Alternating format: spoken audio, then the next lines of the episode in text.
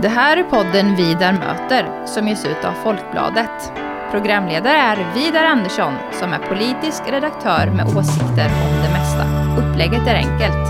Han bjuder in människor till samtal om politiken, livet och tingen.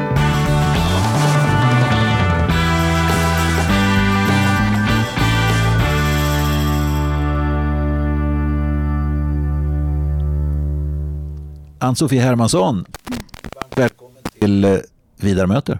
Tack så mycket. Eh, Vi ses här i Göteborg på din arbetsplats. Du har precis eh, gått av ditt pass Mm. på Renova. Ja. Ja. Du kör sopbil. Ja. Ja. Och det har du gjort. ja, det är drygt tre år nu. Ja. Jag började här i januari 2020. Så att jag har ganska, ja, tre år drygt. Mm.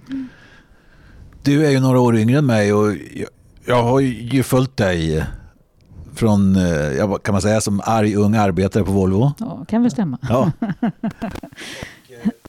Att socialdemokratin och IF Metall och Mm. såg eh, dina möjligheter där. Och, och du kom in och du fick uppdrag och, och så. Mm. Eller hur? Mm. Och du har, haft, du har jobbat med två av de nutida socialdemokratiska mest utstickande profilerna, ska jag säga, Mona Sahlin Mm. och också Stämmer. Göran Johansson här i Göteborg. Stämmer. Ja.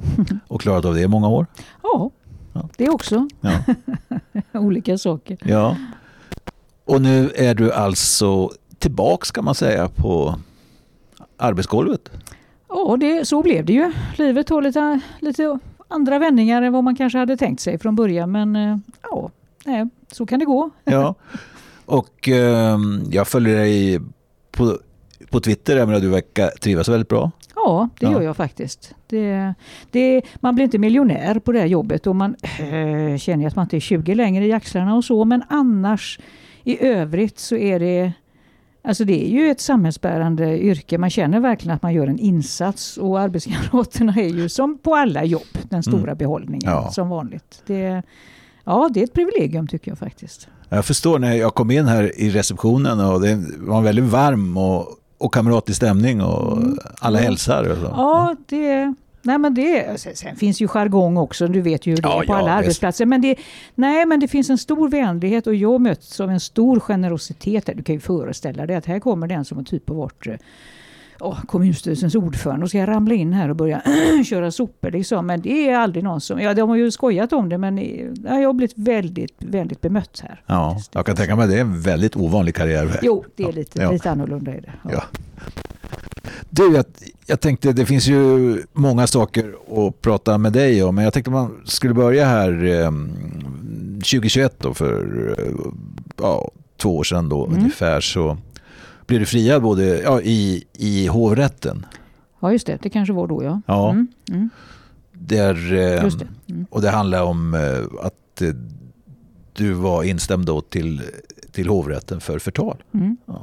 Kan du någon minut eller två bara beskriva den händelsen? Vad det var som gjorde. Ja, Ja, det, var, det utmynnar ju i att eh, det, det fanns en gammal film, jag vet inte om det är någon som kommer ihåg den längre, men Burka Songs 2.0 eller vad den hette, som handlade om, ja, det, den handlade om allt möjligt runt rasism och olika islamofobi och liksom sådana här saker. Och den, den filmen ville upphovsmakaren ha en efterföljande debatt på i Göteborg. Eh, och då ville de ha en, eh, en debatt där det bara var, man kan säga att det var typ bara folk som förordade slöja.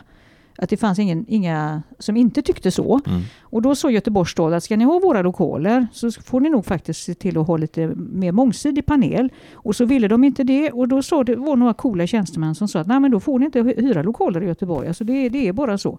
Vi förbjuder inga filmer och sådana här saker här men ni, behöver, ni kan inte förvänta er att vi ska peja för, för lokalen. så.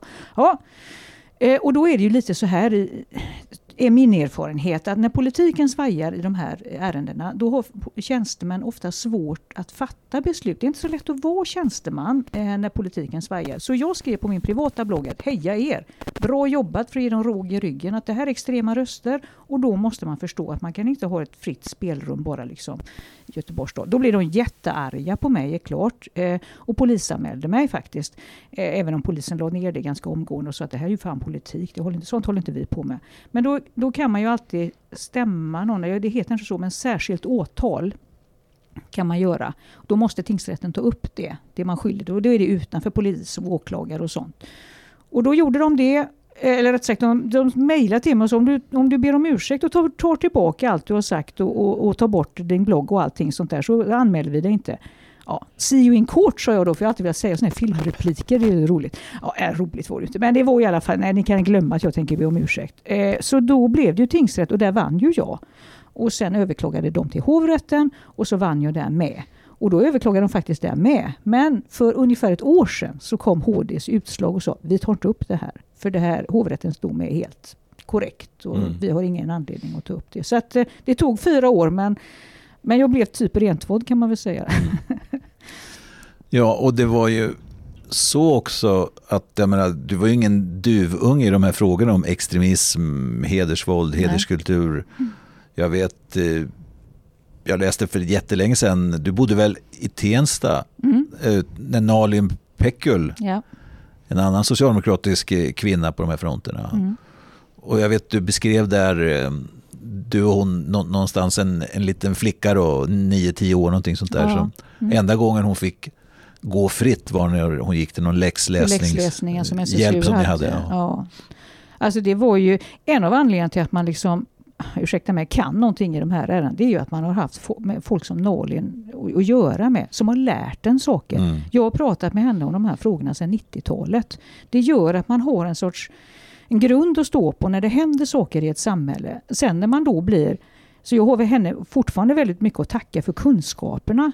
Eh, när, det sen, när man sen kommer till makten, eller hur man ska uttrycka sig så, som, som jag ändå gjorde i Göteborg, eh, och inser när man får kunskap om hur det faktiskt, hur allvarligt läget var här faktiskt med radikalisering. Det var ovanligt många unga människor som reste till Syrien och stred för IS just från Göteborg. Det ville jag inte gärna se, ska jag erkänna mm. inledningsvis. Det vill man inte. Jag tänkte, äh, det är inte värre i Stonien eller Göteborg än det är någon annanstans. Men jo, lite värre var det. Och när man blir varse det, har man makt så måste man använda den. Eh, och det gjorde jag och satte ner foten några gånger i de här sammanhangen. Eh, men det är som det är som i andra sammanhang, när man utmanar den här sortens krafter så får man vara beredd på ganska hårt motstånd. Och jag mötte det jag med, kan man väl säga. Liksom. Eh, ja, och, ja, av olika skäl så, så hamnar man där man hamnar till slut. Så att säga, liksom. Men jag är fortfarande väldigt engagerad i frågorna och vi har fortfarande stora problem. Inte bara i Göteborg utan i Sverige i övrigt ska jag säga. Ja, det handlar väl om som du och Nalin och Juno Blom och man kan nämna många kvinnor Sara Mohammad och ja, mm. Som alltså, pekar Carina på... Hägg är Carina ett Hägg. annat, om vi ska ta en partivän, ja, absolut. som också var väldigt tidigt ute. Ja, det var ja. Och fick skit för det kan man säga. Ja. Jo visst, men alltså peka på att det här är ju strukturer, det här är liksom inte några ja. enskilda individer utan det här är Nej. kanske omfattar 15 procent av mm. Eh, barnen som växer upp i Sverige lever under risk ja och påverkas av sådana här hedersstrukturer. Livs, nu ska man hålla isär extremism och hedersrelaterad ja, mm. problematik. Men det är verkligen så liksom att för de här unga människorna så blir deras verklighet enormt beskuren. Man bestämmer liksom ingenting. Alltså, det är alltid någon annan som bestämmer eh, över det. Och det gäller ju inte bara unga kvinnor i det här sammanhanget. Det gäller även män som protesterar mot hedersproblematik. Mm. De, de, blir lika illa utsatta om de inte vill ställa upp på, på de här normerna. Och så. så det är verkligen ett det är en allvarlig situation så att säga. Liksom. Och ibland är, den, är religion inblandad men inte långt ifrån mm. alltid. Det här är väldigt kulturellt och det mm. behöver inte ha, ha ett skit med vare sig kristendom eller, eller islam att göra faktiskt. Nej, och jag vet du skrev en krönika i Göteborgs-Posten där, där du medverkar då och då. Mm. Eh, så du skrev att man, man behöver inse skillnaden mellan liksom, eh, eh mäns våld mot kvinnor så säga, utanför hederskulturen. Som ja. är mer det privata, individuella. Mm. Alltså män som mördar och slår och ändå kvinnor. allmänt fördömt skulle jag vilja säga ja. av det omgivande samhället. Ja, både av ja. familjen i huvudsak och av samhället och, samhället. och, och mm. politiken. Mm. Och, jag menar, det fördöms. Mm. Medan däremot som du pekar på, det var en ögonöppnare för mig. Alltså att mm. skillnaden är ju att i hedersstrukturen så reagerar man kollektivt ja. Och den som mördar kvinnan mm blir en hjälte ja. i de kretsarna. Tar, tar en kula för laget ja. kan man säga ja. i de sammanhangen. Mm. Ja. Så ser det ut. Och det är, det är viktigt att komma ihåg den skillnaden. Och de som fortfarande ska säga gör sig till talespersoner för att säga nej, nej, mäns våld mot kvinnor ser likadant ut. Det är rasistiskt att hävda att det skulle finnas i särskilda kulturer eller så. De försvårar, de osynliggör de här, den här särskilda situationen för de här människorna som drabbas av hedersstrukturerna. Det skulle mm. jag säga är oförlåtligt. Liksom. Mm. Det, man, vi behöver mycket mer kunskap snarare än, än, att gömma det. så att säga. Det kom en rapport eh, från Göteborg här för något år sedan, tror jag det var, en, en liten kort rapport som beskrev tystnadskulturen mm. som kommunen hade beställt, den var en utomstående ja. utredare. Det var väldigt mm. intressant mm. och mycket oroväckande. Mycket oroväckande. Ja, och bra av kommunen att man beställer den såklart. Mm, ja. liksom. Jag måste säga det, bra jobbat. Men visst är det oroväckande. Och det är ett det har ätit sig in i våra, jag ska inte säga att det är maffia, men, men det är ju den sortens tendenser om man nu ska jämföra med någonting som mm. går att förstå sig på. Höll jag på För ibland har vi så svårt att förstå, va, händer det här hos oss? Kan det här smyga sig in i våra förvaltningar eller i våra... Ja, det kan det faktiskt göra för att vi i all vår aningslöshet har gjort och ibland också gjort eh, olika sådana här, de som stämde mig, alltså MMRK, alltså Muslimska mänskliga rättighetskommittén. Det här låter som att det är LO typ, de är väl fem personer eller någonting ja. sånt där. Men i alla fall, eh, att de, är, de gör sig till företrädare för en stor gruppering, typ alla muslimer i landet. Mm. Alltså så är det inte. Det är ungefär som att Knutbypastorn skulle göra sig till företrädare för alla kristna i hela Sverige. Då säger mm. vi nej, det är ju en sekt. Mm. Ni kan inte företräda oss, vare sig vi som är troende eller sekulariserade. För ni är någonting annat. Men när det kommer till det där Alltså vi har bjudit in, och det har Nalin väldigt, både Nalin och Carina Hägg väldigt ofta påpekat, att ni har bjudit in de här mest extrema männen med de islamistiska liksom förteckningarna, alltså den politiska islam mm, som mm. Sami Egyptsson så förtjänstfullt har, har, disputerat på nu. Istället för den, hur ska man säga, den, den andliga och framförallt inte pratat med de kvinnorna som kanske drabbas av den här sortens, eh, vad ska man säga, politiska islam. Då. Nej, där har, vi, där, där har vi gjort både demokratin men framförallt de människorna som drabbas av de här strukturerna en, en stor otjänst. Skulle, mm. jag säga. skulle du säga något om medvetenheten, ta inom socialdemokratin eller inom den kommunala förvaltningen eller inom myndigheter i stort, alltså medvetenheten om att liksom vara på sin vakt, eller känns det också rasistiskt? Eller? Alltså det, ibland vet jag inte riktigt, vad, men jag, jag vill, hoppas och tror att, att kunskapsläget ändå har stärkts. Att vi förstår vissa saker idag som vi kanske inte gjorde bara för typ fem år sedan eller någonting sånt här. Men en del dagar är jag inte säker för det händer fortfarande konstiga saker. Liksom, och vi är ibland ur stånd att se vad är det egentligen som försiggår här nu då? Vad är det för strid vi tar så att säga? Vilka mm. är det som, som gör sig till talespersoner för vad? Och, jag, jag jag tror att vi behöver ännu mera kunskaper och framförallt behöver vi ett tydligt politiskt ledarskap som sätter ner foten och säger nej, så här kan vi inte ha det. Alltså all heder till exempel åt en sån som Axel Dorvik här i stan. Det är Folkpartiets mm eh, Liberalernas gruppledare här i stan som liksom var väldigt konsekvent med att hålla inne skolpengen för ja. Römosseskolan. Mm. Där det så småningom, långt, långt, långt, långt, det där kostade. Det kan jag bara tänka mig. Säkert internt i partiet hos honom, men också liksom ni vet när folk bara, nej men nu börjar det bli juridiskt tveksamt och vi kan inte hålla inne det här och vi måste som kommun och bla bla bla.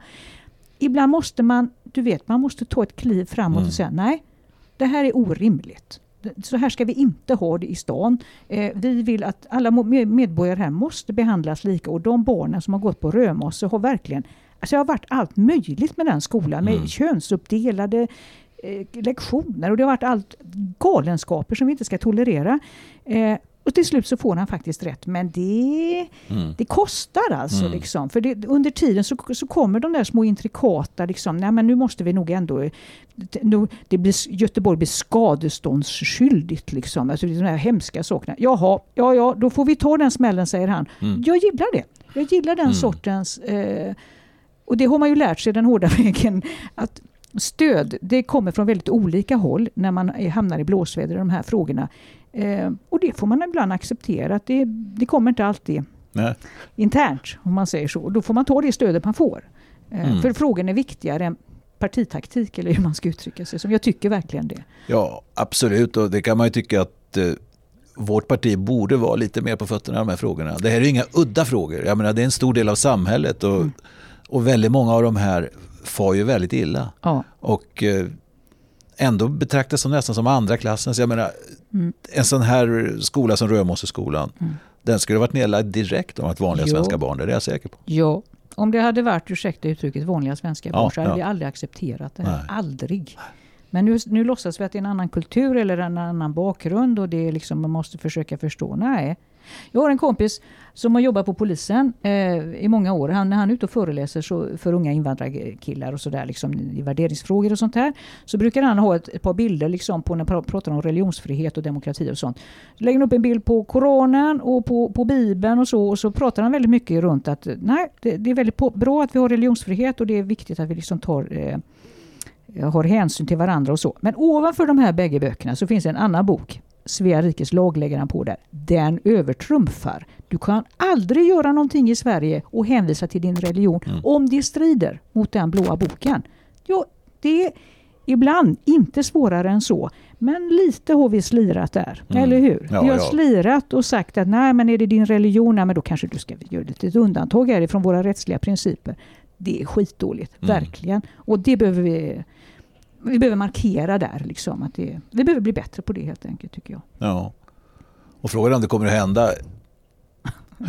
Ja, det kan man ju oroa sig Ja. för. Ja.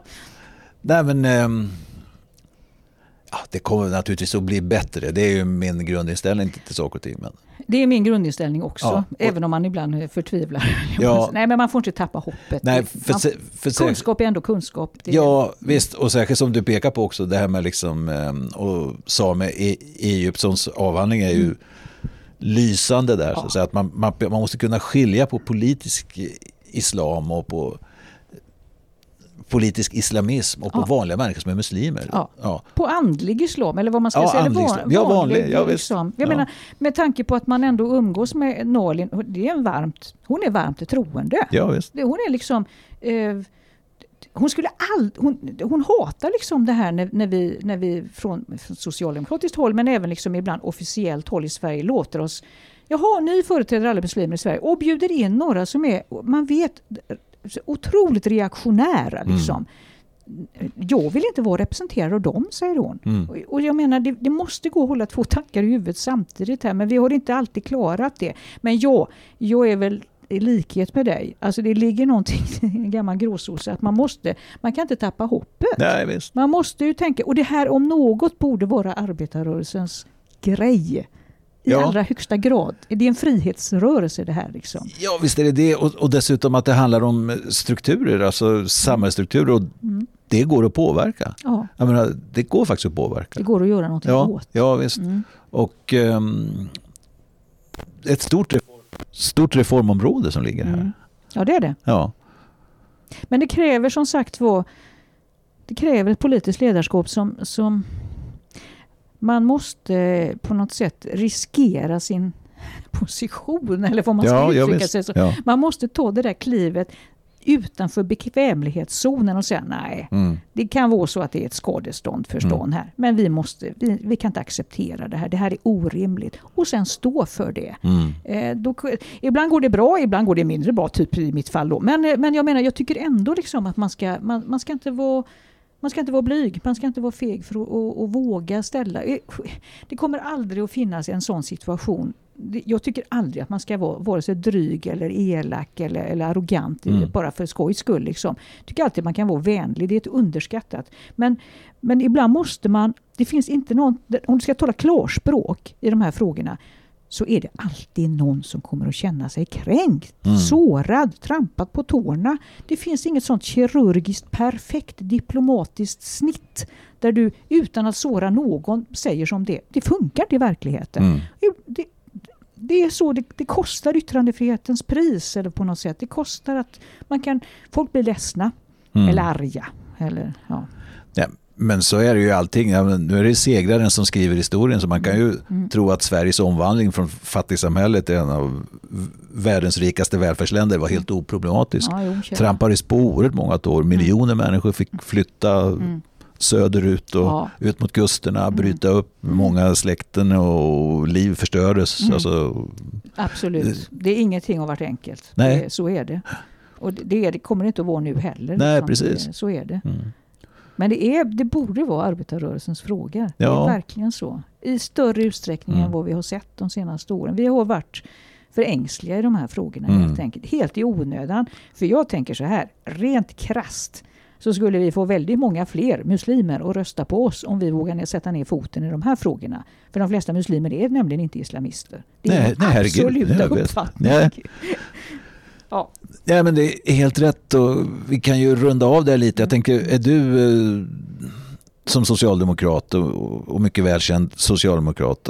Jag tänker så här att om, om jag hade någonting med socialdemokratins studieverksamhet eller Mm. utvecklingsverksamhet Mm. att göra så skulle jag engage, försöka engagera dig och Nalin och Karina och, och många andra. Så här, utbildnings och föreläsningsverksamhet för det här är ju vår, en av vår tids stora frågor. Ja. Hur ska vi få ihop samhället? ja, det är absolut. Vi behöver verkligen förkovra oss i de här frågorna. Det är en Ja. folkbildningsfråga. Ja, visst är det. I allra Ja. högsta grad. Ja. För alla. Jag menar, ska vi dela samhället så... Mm. Så måste vi kunna prata om de här frågorna. Ja. Det är inte, det, och jag tycker inte att det är svårt att prata om de här frågorna. Ibland så tror jag tror att folk oroar sig, eller partiet kan ibland oroa sig i onödan för att det här blir känsligt. Jag, jag finns på en arbetsplats här. Mm. Det är inte svårt Nej. för renhållarna på Renova att hålla två tankar i huvudet samtidigt. Mm. Man kan prata om de här frågorna med dem och då, det, går, det går alltså utmärkt att för, skapa förståelse. Det är min absoluta erfarenhet. Mm. Det tror jag går att göra i ögonhöjd med ett samtal i, med folkbildning som Ja. ska säga, hedersord eller som Mm. vi brukar ha. Det är klart att det går, men Ja. då måste man våga göra det också. Och våga lite lita på sin magkänsla. Eller vad man Ja, precis. Och det, det är nog förmodligen så som du pekar på förut att man, man blandar in religion för mycket och då Mm. blir man livs, Mm. alltså orolig. Och gud, nu kommer jag att trampa snett här Ja. och, Mm. och, och trampa på någons religionsfrihet eller någonting Ja. sånt där. Och, Man ska inte oroa sig för mycket. Nej, eller hur? Alltså. Allvarligt talat. Nej, och ibland, ibland trampar man ju fel. ja, det får man göra. Då får man Ibland om kan man också be om ursäkt. Ja. Det är, inte, det är inte heller hela Nej. världen faktiskt. Liksom. Nej, nej jag, jag är enig med dig. Det är bara Just nu tror jag det är lite svårsåld som idé. Alltså, I alla fall med de här namnen som du räknar upp här. Ja, tycker jag är väldigt märkligt faktiskt. Ja, det är som Ja, det jo, Ja. hör du, Ja. Ann-Sofie Hermansson. Mm. Stort tack för att du ville vara med i Vida möter. Tack så mycket själv. Och all lycka framöver, både med yrket och politiken. Tack.